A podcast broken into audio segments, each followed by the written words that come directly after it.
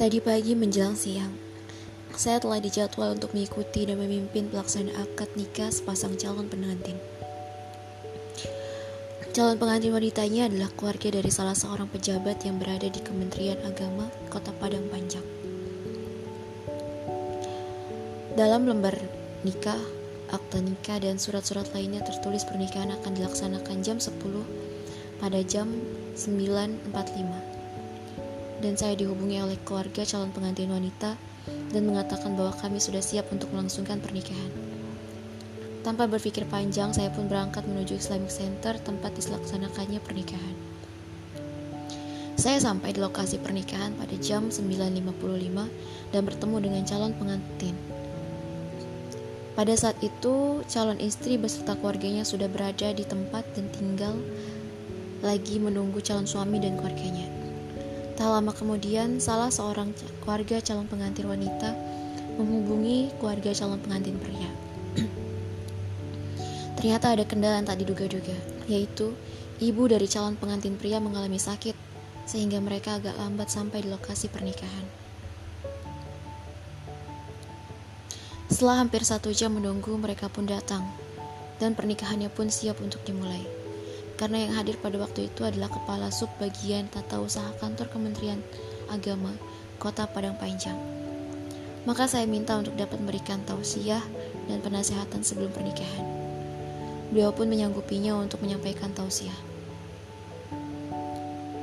Dalam penasehatannya, Kasubag TU Kantor Kementerian Agama Kota Padang Panjang menyampaikan pesan bahwa agar keluarga yang akan dibina nantinya menjadi baik, maka hendaklah memperhatikan beberapa hal yaitu Pertama, berniat dan berdoa kepada Allah bahwa sekarang Ananda akan menikah.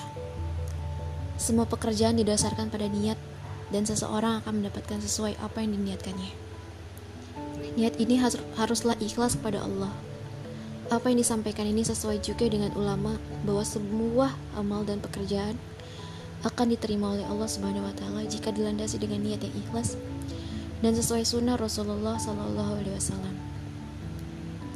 Bagaimanapun baiknya sebuah pekerjaan tapi tidak dilandasi niat yang ikhlas, maka amalan tersebut tidak akan diterima. Demikian juga sebaliknya.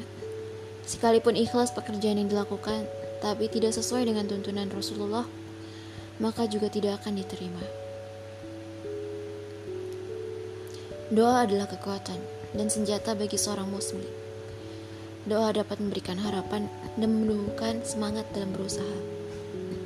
Kedua, berusaha dalam kehidupan. Di samping doa yang telah dilakukan, Usaha adalah sebuah kemestian dalam kehidupan berumah tangga. Tanpa ada usaha, maka keluarga akan mengalami kesulitan untuk memenuhi kebutuhan pokok. Di dalam agama, kita diajarkan bahwa kita harus yakin bahwa rezeki itu datang dari Allah. Karena tak ada satu binatang melata pun di bumi kecuali Allah akan memberikannya rezeki. Namun untuk mendapatkannya perlu adanya usaha supaya dapat memenuhi kebutuhan diri sendiri dan keluarga. Ketiga, perlu adanya ilmu pengetahuan. Beliau mengumpamakan bahwa seseorang akan berlayar di tengah laut harus mengetahui terlebih dahulu segala hal yang terkait dengannya, supaya dapat menjalani dengan selamat. Demikian juga dalam kehidupan, kita haruslah punya ilmu tentang kehidupan. Berumah tangga juga ada hidup ilmunya, berusaha juga ada ilmunya.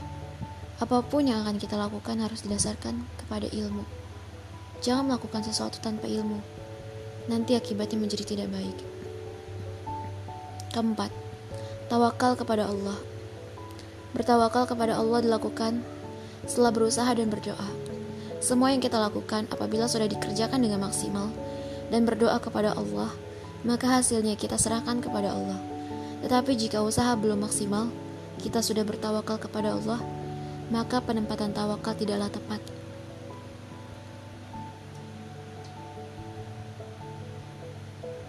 Setelah Kasubag TU Kantor Kemenak Kota Padang Panjang menyampaikan tausiah, saya tinggal menambahkan saja lagi agar nasihatnya menjadi fokus materi yang sudah disampaikan.